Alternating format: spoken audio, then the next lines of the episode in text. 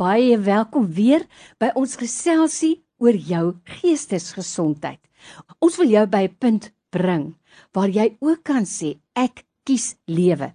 Die ons in my pond, dis 'n kennerie by my in die ateljee Dr. François Swart en ons praat vandag oor 'n baie belangrike kwessie, maar voordat ons daar begin, wil ek daarom net eers sê vir jou tyd vandag weer. Ons waardeer dit baie dankie. Goeiemiddag Lorraine, hallo al die luisteraars.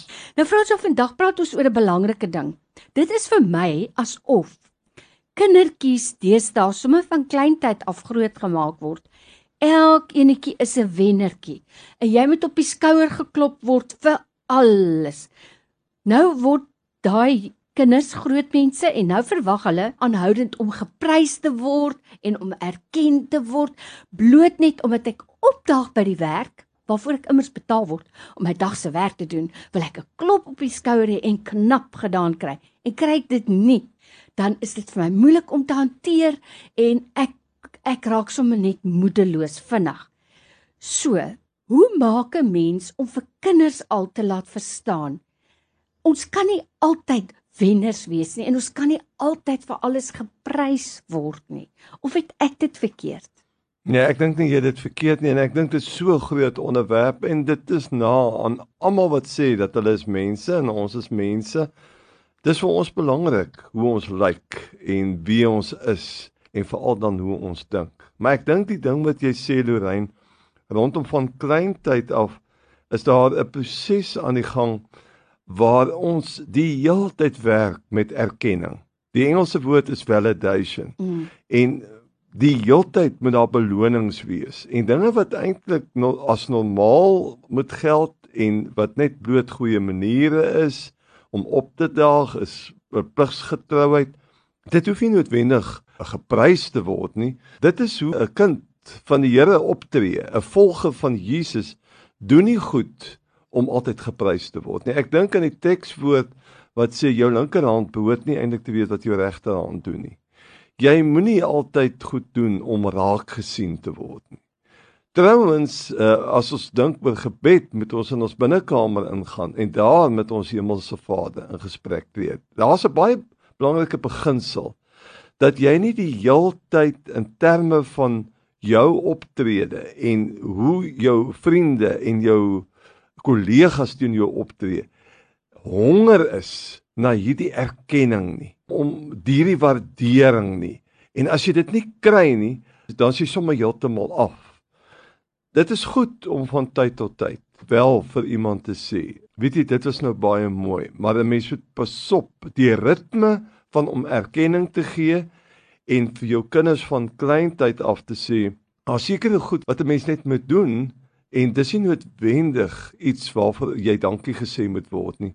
Dit is deel van menswees en dit is deel van om 'n volgeling van Jesus te wees. So belangrik die onderwerp waaroor ons gesels, want nou lyk dit ook vir my asof leerkragte en skole is nou bang om wennertjies en verloordertjies nou teenoor mekaar te stel. So elke kindjie kry 'n prys.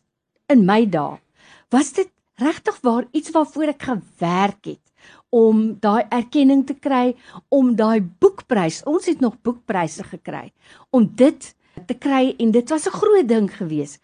Nou is dit vir my so as 'n mens vir almal nou beloon asof jy twee dinge doen. Die een is jy vat die waarde weg van die persoon wat werklik hard gewerk het om dit te bereik, maar dan beloon jy ook 'n ou wat dalk maar net eenvoudig lyf weggesteek het. Daar moet tog ander maniere wees om iemand aan te moedig as om hom te beloon of 'n wenner te maak of hoe. Definitief en uh interessant wat jy vra. Veral in die onderwysstelsel, mense kan baie oor verskillende kurrikulums praat. Ek self het my studies gedoen rondom opvoeding en uh na verskillende opvoedingsstelsels gaan kyk, vir, onder andere in Skotland en veral in Nieu-Seeland. Hulle werk glad nie byvoorbeeld met hoofseuns en hoofdogters en leerders raad en werk met kinders en haal hulle uit en gee hulle erkenning dat hulle is nou super spesiaal in terme van die groep boekpryse soos wat jy van praat nie. Die hele filosofie binne die Nieu-Seelandse, Australiese en veral die Skotse model is dat daar gewerk word met elke kind se potensiaal en dat daar 'n ontwikkelingsplan, 'n unieke ontwikkelingsplan vir elke kind ontwikkel word. En dit is baie interessant om eintlik na daardie kurrikulums te kyk. Die ouers word ook baie nou betrokke gemaak. En dan wat ek ook geleer het uit daai studie uit, die hele ding van erkenning is dis wisselend. Soos wat jy deur die verskillende lewensfases gaan, het jy ander tipe soort van erkennings en waarderings nodig. Jy as jy al hoogs bejaard is, is jy nie dalk nou so mooi soos 'n 20 plusser nie. Maar jy's op 'n ander manier mooi. Mm. Dis da, daar moet 'n soort van 'n aanpassing kom oor hoe ons erkenning en waardering in die verskillende lewensfases ook toeken aan mense. Dis jou jou mense, veral jou leerkragte, hulle moet 'n vermoë ontwikkel om met elke kind se potensiaal agter te kom en met daai kind op 'n individuele vlak te kan skakel en dis waar ouers moet help want onderwysers op skool het nie altyd mm. tyd om met elke kind individueel te skakel nie en daar moet 'n soort van 'n lewensplan vir daai kind wees. En die beste om dit op 'n informele manier te doen is pappa of mamma want die emosionele ouerskap veral rondom kinders wissel. Hulle vir 6 maande is jy as mamma net die beste ding wat met daai kind kan gebeur. Jy's die mooiste, jy's die slimste. En dan skielik voel die kind, nee maar nou is mamma 'n bietjie agter die klip. Mm. Nou is pappa weer die mm. belangrike een. En dit is goed so. Julle bly die biologiese ouers, maar uh, ons werk met dit dat emosionele ouerskap kan wissel van tyd tot tyd. En wat ons dan in familieterapie probeer leef vir ons ouers Dis goed dat daar 'n ritme kom en dit is gewoonlik so eenmal 'n maand dat jy alleen saam met jou kind gaan eet. Sommige net 'n ontbytjie. Nie as jy 3 kinders het met 3 kinders gelyktydig uh na 'n plek toe gaan nie, want dan gaan dit 'n sirkus wees. Mm. Die een wil melkskommel hê, die ander een wil dit hê. Mm, mm. Vat hulle een-een en bou 'n unieke verhouding van so groot soos 3 jaar oud met daardie kind. Want nie een kind is dieselfde nie. Mm. En dan binne in 'n verhouding sê ons kom ons kyk wat is vir jou lekker in jou lewe. Ons hou van die woord skade wees. Wat is die skade wees wat oor jou lewe val? Dan kom jy by die goedes uit. Maar jy help nie altyd vir ons so by die huis nie, nê? En jy weet jy het altyd 'n verwagting dat goed vir jou gedoen moet word. Dink jy dit is reg? Daar's natuurlik 'n manier hoe mense hierdie hmm. gesprek hmm. gesels.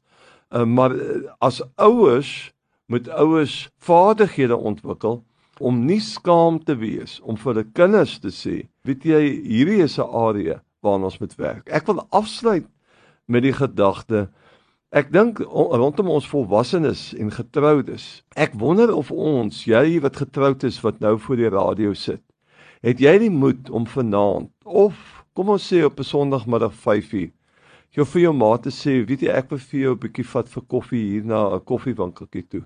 En dan as jy dit daar in die koffiewinkel sit, dan vra jy vir jou maat. Weet jy, ek wil vir jou ietsie vra vandag.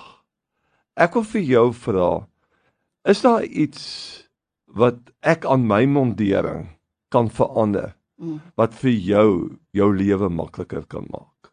Daai is die maklike een. En dan die tweede vraag is om te sê jy gaan na jou man toe. Ek wil vanmiddag by jou hoor, vanaand of wat die situasie ook al is. As jy kon, waar maak ek die lewe vir jou moeilik? Mm. Want ek wil dit nie doen nie. Mm. Ek is lief vir jou. Ek gee om vir jou, maar ek wil dit hoor. Maar Lorraine, ons is nie goed met kritiek nie. Ons wil net altyd wenners wees. Mm.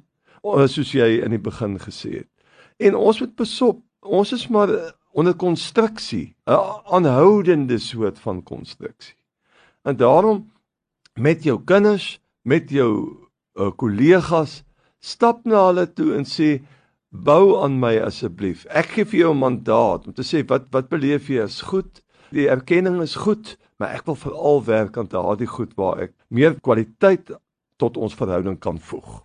Dis Dr. François Swart wat so gesels kliniese en pastorale terapeut oor 'n baie belangrike onderwerp vandag en as ek nou mooi geluister het Dr. François dan besef ek net weer die geweldige invloed wat ouers op kinders kan hê sodat jou kind nie eendag wreed ontnigter gaan word as hy nou by sy werk of in sy vriendekring 'n bloedneus kry omdat hulle nie dink hy of sy is altyd net wonderlik en moet net erken en geprys word nie.